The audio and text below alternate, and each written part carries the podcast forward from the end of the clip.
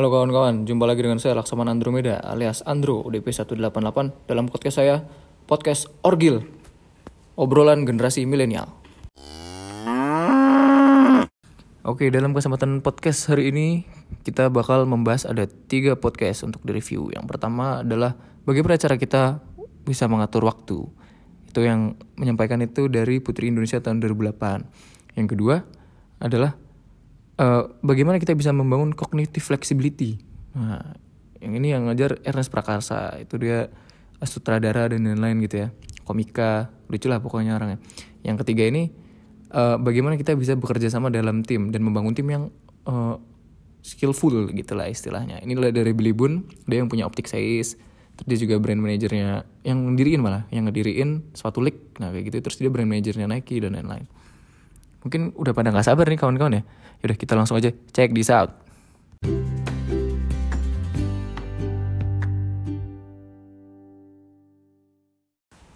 Oke, podcast kita yang pertama hari ini adalah obrolan bareng Zivana Leticia atau dipanggilnya Mbak Zizi.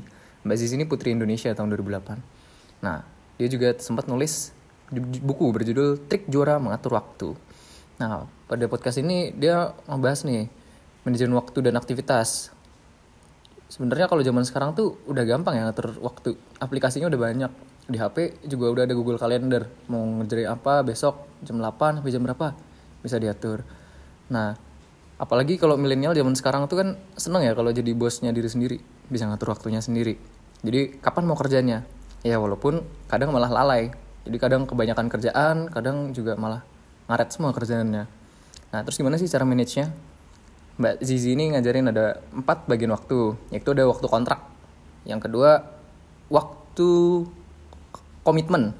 Yang kedua, waktu yang dibutuhkan. Dan yang terakhir itu free time, waktu bebas.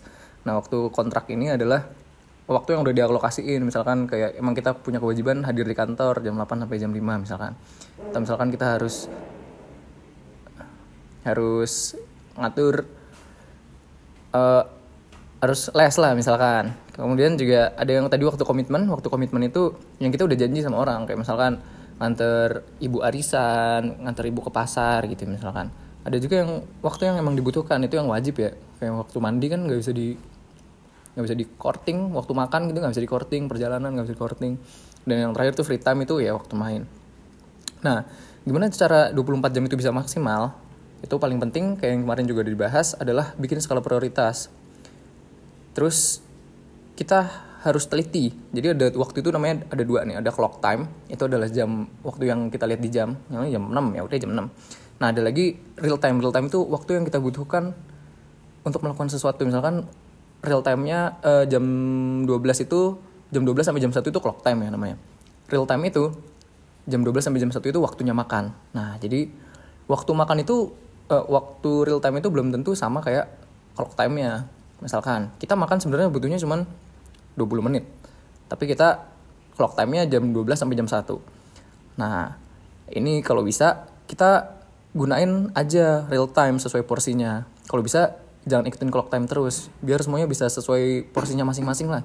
Kalau dia emang butuh lama ya ditambahin. Kalau emang cuma sedikit ya ngapain kita banyak-banyak? Kayak tadi makan cuma 20 menit kita jadiin satu jam kan lumayan sisanya.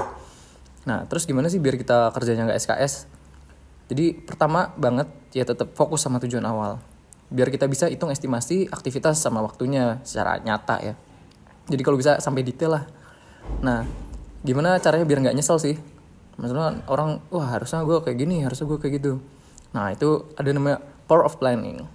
Ada istilah kalau misalkan if you fail, if you fail to plan, it mean you plan to fail. Alias kamu harus bikin rencana. Jangan lupa pakai skala prioritas tadi empat kuadran ya jadi empat kuadran itu kan ada yang penting dan mendesak. Terus uh, mendesak tapi nggak penting. Ada lagi penting tapi nggak mendesak sama nggak mendesak dan nggak penting. Nah kalau bisa yang kuadran dua tadi yang dibanyakin. Lebih enak tuh. Jadi banyak pekerjaan penting yang kita kerjain tapi kita bisa ngundur waktunya kapan pun yang kita bisa. Jadi kualitas kerjanya bagus lah istilahnya. Itu yang diajarin sama yang MUG keren ya. Kemudian gimana sih kita bisa ukur kita itu udah produktif apa belum? Nah ini tuh ya gimana ya harus balik ke diri sendiri emang. Soalnya kan tujuan orang beda-beda. Secara umum sih kalau sebelum tidur kalian ngerasa wah luar biasa hari ini bersyukur banget ya bisa kayak gini. Nah itu namanya udah lumayan produktif lah seenggaknya udah target itu tercapai. Nah terus kadang juga orang kan bete ya kalau udah mau hari Senin. Nah itu gimana caranya biar nggak bete atau nggak males atau sedih gitu. Nah itu caranya adalah cari alasan kenapa jadi nggak senang pertama. Jadi emang kenapa nggak senang di hari Senin? Nah kalau emang nggak bisa diapa-apain harus cari hal lain yang bisa buat asik di hari itu. Yang bisa bikin kalian tunggu-tunggu apa sih? Nah jadi kan bikin semangat tuh pasti paginya kan. Atau kalau bisa kalau nggak bisa juga kalian lakukan rutinitas itu namun dengan cara yang lain. Misalkan pakai baju yang bagus-bagus hari itu atau bawa bekal hari itu atau ganti transportasi. Biasanya kita naik busway kita coba naik kereta hari ini gitu. Nah terus kadang juga zaman sekarang orang kerja sampai weekend weekend ya. Nah itu sebenarnya nggak apa-apa. Asal tetap happy ya. E, sebenarnya buat badan ya tetap harus ada istirahatnya. Tapi kalau buat mental tuh kalau happy ya tetap aja nggak kerasa kan capeknya. Nah tapi ya tetap ingat keluarga. Jadi pastiin ada hari pengganti buat mereka dan buat me time gitu. Dan sampai nggak ada waktu buat diri sendiri. Kemudian waktu kosong kita juga setiap minggu kan punya waktu kosong nah itu dipakai apa bagusnya? Orang-orang pasti jawabnya ya paling bagus ya buat istirahat aja kan seminggu kita udah capek. Nah tapi kalau bisa jangan terus-terusan istirahat. Maksudnya kalau kayak gitu sampai tiga minggu kan tiga minggu berulang ya setiap weekend tidur terus gitu kerjanya. Itu lama-lama orang jadi kayak orang pemalas lah istilahnya nggak punya hobi nggak punya apa-apa. Jadi ya bagusnya ya kayak melakukan short trip. Atau kalau bisa ikutin event-event tentang hobi. Misalkan kalau suka mobil-mobil ya hari Sabtu pagi gitu atau Minggu pagi San Mori. Itu naik motor rame-rame ke puncak gitu asik. Atau baca buku. Nah biasanya kan ada event-event buat penulis kayak gitu-gitu. Nah sebenarnya selanjutnya ada lembur. Lembur itu sebenarnya bukan tanda kita gagal ngatur waktu ya. Jadi orang kan kadang emang emang emang dia kerjanya banyak atau ternyata bosnya ngasih kerjaan baru sore. Nah kayak gitu nggak apa-apa sih sebenarnya beda-beda tiap orang. Yang penting tetap jaga badan harus tetap siap tetap fit untuk menjalani hari esoknya. Dan gimana cara bisa fresh terus di siang hari? Kan kita udah pagi jam 8 jam, jam 4 kan lama tuh. Kadang kita juga penat. Nah cara agar kita bisa menjaga kesegaran badan kita adalah berolahraga.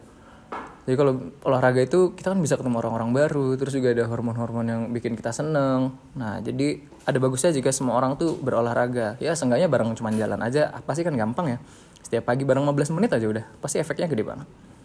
Dan gimana kita bisa milih apa yang harus kita kerjain besok?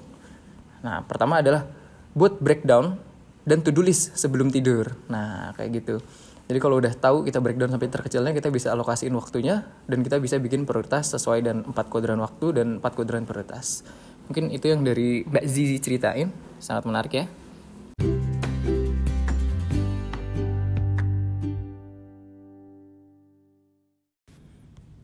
Oke, yang kedua kita ada Ernest Prakasa. Ini komika, komedian. Terus dia juga penulis skrip, penulis buku, sutradara, yang diwawancara sama Mas Yuri Sebastian ini ngomongin cognitive flexibility Oke, jadi mungkin banyak yang belum tahu dulu, dulu ya cognitive flexibility apa jadi mungkin bahasa mudahnya mirip-mirip lah sama multitasking. Jadi kemampuan untuk ngerjain banyak hal dengan banyak fokus dengan hasil yang maksimal. Tapi ini bukan multitasking jadi uh, cognitive flexibility ini lebih ke kita harus bisa nge-switch. Kalau misalnya kita ganti tugas kita harus bisa switch secara total. Dari fokus kita, pemikiran kita, ingatan kita, sikap kita dan itu harus benar-benar keluar dan pindah fokusnya. Jangan sampai kepikiran. Alias harus disiplin lah nyelesainnya satu persatu. Kayak gitu. Nah gimana sih biar bisa cepat switch ini? Kalau kata Ernest Prakarsa emang harus dibiasain. Pertama dari caranya disiplin waktu. Nah terus kalau udah bisa disiplin waktu dari datangnya selalu tepat waktu kalau ada jadwal selalu ditepati. Ini kita harus bisa ngereset mood. Jadi kalau misalnya kita ganti habis dari satu pekerjaan ke tugas ke peran kita yang lain kita bisa take a break dengerin musik. Jadi pastiin sebelum masuk ke pekerjaan yang baru itu moodnya udah bagus dan bisa langsung nyesuaiin kecepatannya. Yang ketiga jangan keseringan lihat notif soalnya notif ini ngeganggu banget katanya. Apalagi kalau yang lucu-lucu lagi ada lagi hits misalnya ada receh gitu lucu wah itu langsung gagal itu pas terus yang terakhir adalah harus punya jadwal. Jadi kalau bisa sebelum memulai hari kemarin malamnya nih udah bikin jadwal secara detail. Ya gitu. Jadi itu lebih enak. Kita mau switch itu lebih gampang. Kemudian apa cognitive flexibility yang dibutuhin di semua bidang? Ya emang iya betul. Dia dibutuhin di semua bidang. Apalagi kalau yang paling susah tuh kalau misalkan habis pindah dari ngerjain sesuatu yang eksak operasional gitu administratif terus langsung harus pindah ke yang butuh kreativitas banyak inspirasi banyak ayalnya. Nah kalau bisa dapat saran dari bang Enders nih kalau bisa ngerjain yang kreatif di malam hari. Terus kalau bisa waktu hari-hari kayak misalnya nyetir sendiri gitu tuh nggak usah. Kalau bisa disetirin nah dari situ kita bisa manfaatin waktu sama uh, sebaik mungkin buat ngerjain operasional. Nah terus kita harus bisa manage ekspektasi. Jadi kalau udah bisa manage ekspektasi itu kita bakal sabar dan sportif dan selalu introspeksi diri dalam melakukan suatu kegiatan bersama-sama. Nah, Bang Enders ngasih nasihat. Kalau misalkan cara mau naik jabatan caranya itu adalah lu harus buktiin kalau kamu tuh udah terlalu bagus di posisi itu. Jadi sayang kan kalau di situ terus. Jadi pasti nanti dikasih naik pangkat lah sama atasan. Kayak gitu. Jadi kalau bisa uh, gimana sih cara adaptasi di kerjaan? Adaptasi di kerjaan. Yang pertama itu harus tahu passion sama strengthnya diri sendiri dan harus bisa membuat brand diri alias ya pencitraan lah dikit-dikit nggak apa-apa. Dan yang paling penting dalam cognitive flexibility ini adalah kita harus bisa nyimbangin ya antara energi manajemen sama time management. Dan jangan ragu untuk menolak kerjaan kalau emang udah defisit energi sama waktu dan sebenarnya cognitive flexibility ini misalkan oke okay nih dia nggak jamin juga sih kerjaannya bakal bagus soalnya zaman sekarang kerjaan itu semua serba tim ya jadi harus satu tim yang jago buat melaksanakan cognitive flexibility ini. Dan gimana sih cara buat nyetak orang-orang dengan cognitive flexibility yang tinggi seperti kita misalkan? Itu pertama kita harus menerapkan disiplin waktu ke mereka.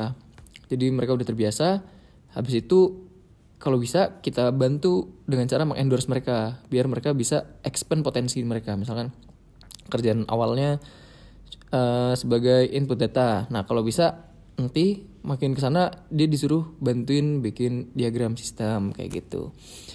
Nah, kalau bisa mereka harus sampai mendapatkan ilmu baru.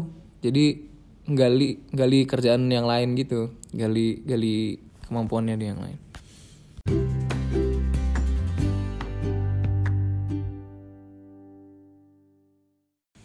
Oke, review kita yang terakhir ini podcast pilihan ya.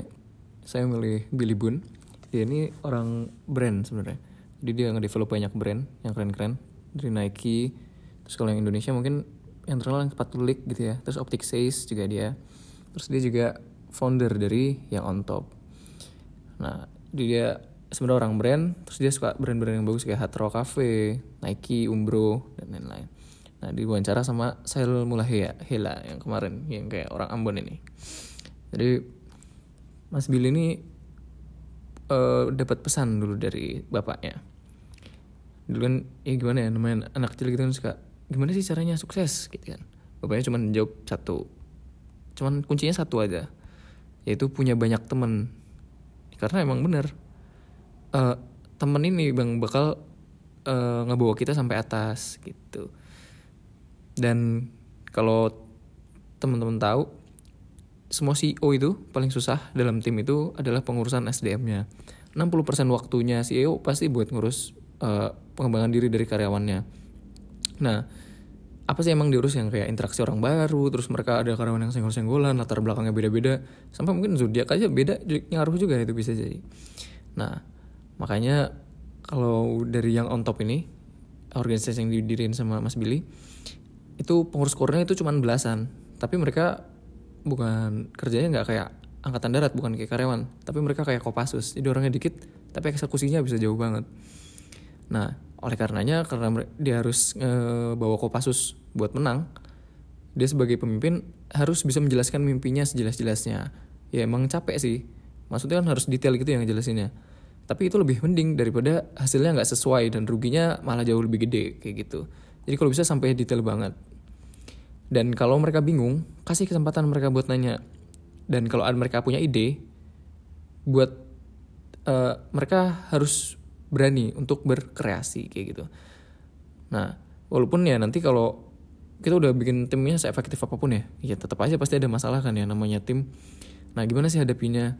Nah, Mas Billy itu punya kunci dalam hidup adalah ilmu itu harus terus dibagi. Karena contohnya kalau mereka udah dibagi ilmu nih udah diajarin mereka pasti bakal lebih kencang lagi larinya. Dan lebih enak kan ngurusnya kalau mereka udah jago nggak usah di jinjing lagi lah nggak usah diantar lagi kayak gitu. Nah yang agak repot kan kalau misalkan udah diajarin tapi malah keluar tim. Nah terus dia milih tim lain atau malah jadi kompetitor emang nggak apa-apa. Nah kalau kata Mas Billy yang namanya tim kayak gitu wajar ya. Jadi emang sedih. Maksudnya udah kita ajarin udah banyak udah timnya apalagi jago gitu kan emang sedih tapi bangganya itu melebihi kesedihan itu sendiri. Soalnya kan bangga dia berarti udah punya karir yang lebih oh mantep lagi di atas kita udah bantu dia punya mengembangkan kapasitas dirinya kayak gitu. Nah terus apa sih yang harus diperhatiin dalam gaya komunikasi dalam tim? Kalau kata Mas Billy yang penting itu info dan keinginannya harus tersampaikan. Tapi ya harus bisa fleksibel ya gayanya kan kita ini ngomongin gaya. Jadi di satu sisi harus bisa santai dan di satu harus bisa santai dan demokratis. Nah, jadi di tapi di satu sisi juga harus bisa tegas kalau emang mendesak. Dan yang emang gak susah kalau harus ngatur uh, orang yang istilahnya sejabatan lah gitu, setara. Intinya kalau ngatur orang kayak gini harus humble. Jadi apa-apa harus pakai kata tolong. Karena ini bukan nyuruh ya. Tolong itu kan bukan nyuruh. Tapi menghormati mereka udah mau bantu kita kayak gitu. Dan jangan lupa harus diiringi kata terima kasih maupun maaf. Nah, soalnya humble itu kalau udah humble orang juga pasti nggak mau nyelakain kita kan? Mereka pasti segan. Nah kayak gitu. Dan semua komunikasi harus jelas. Jangan pernah berasumsi. Karena inilah penyebab kerja bisa jadi miskomunikasi. Jadi kalau udah asumsi itu pasti bisa miskomunikasi bisa gagal total kalau udah miskom kayak gini. Karena malu bertanya sesat di jalan. Nah Terus kalau buat skillnya kayak gimana sih? Uh, dalam suatu tim yang bagus itu pasti ditopang sama kemampuan atau skill dari individu yang bagus juga. Dan ini harus mereka banggakan masing-masing dari setiap individunya. Kalau Mas Billy ini biasanya di weekly meeting. Jadi individunya memamerkan diri ini uh, hasil capaiannya minggu lalu itu apa kayak gitu. Nah harapannya ini bisa menginspirasi tim yang lain. Kalau individunya udah jago-jago, maka mereka harus ditaruh sesuai dengan fungsi yang sesuai dan mereka suka Nah, di sini mereka bisa berkembang. Nah, dari sini barulah skill tim dapat di, diciptakan gitu.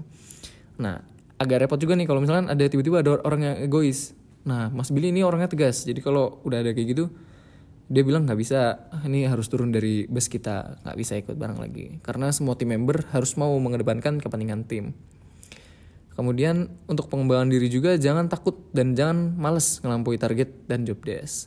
Karena kerjaan tuh banyak banget bro di dunia dan kalau ngambil banyak kerjaan itu nggak bakal kok ngambil jatah kerjaan orang lain. Percaya deh. Nah untuk terakhirnya pesan Billy Boone itu semua orang harus menemukan purpose dalam hidupnya dan terus bertanya mengapa dan untuk apa kita melakukan sesuatu. Yang kedua kita semua harus bisa menemukan passion yang rela dikerjain walaupun nggak dibayar sekalipun. Yang ketiga kita harus bisa nentuin big dream yang spesifik jadi harus bisa terukur dan jelas jalurnya. Dan yang terakhir, yang paling penting adalah punya karakter yang baik agar dicintai teman-teman kalian yang di mana mereka ini pasti bisa bantu kita buat naik sampai ke atas.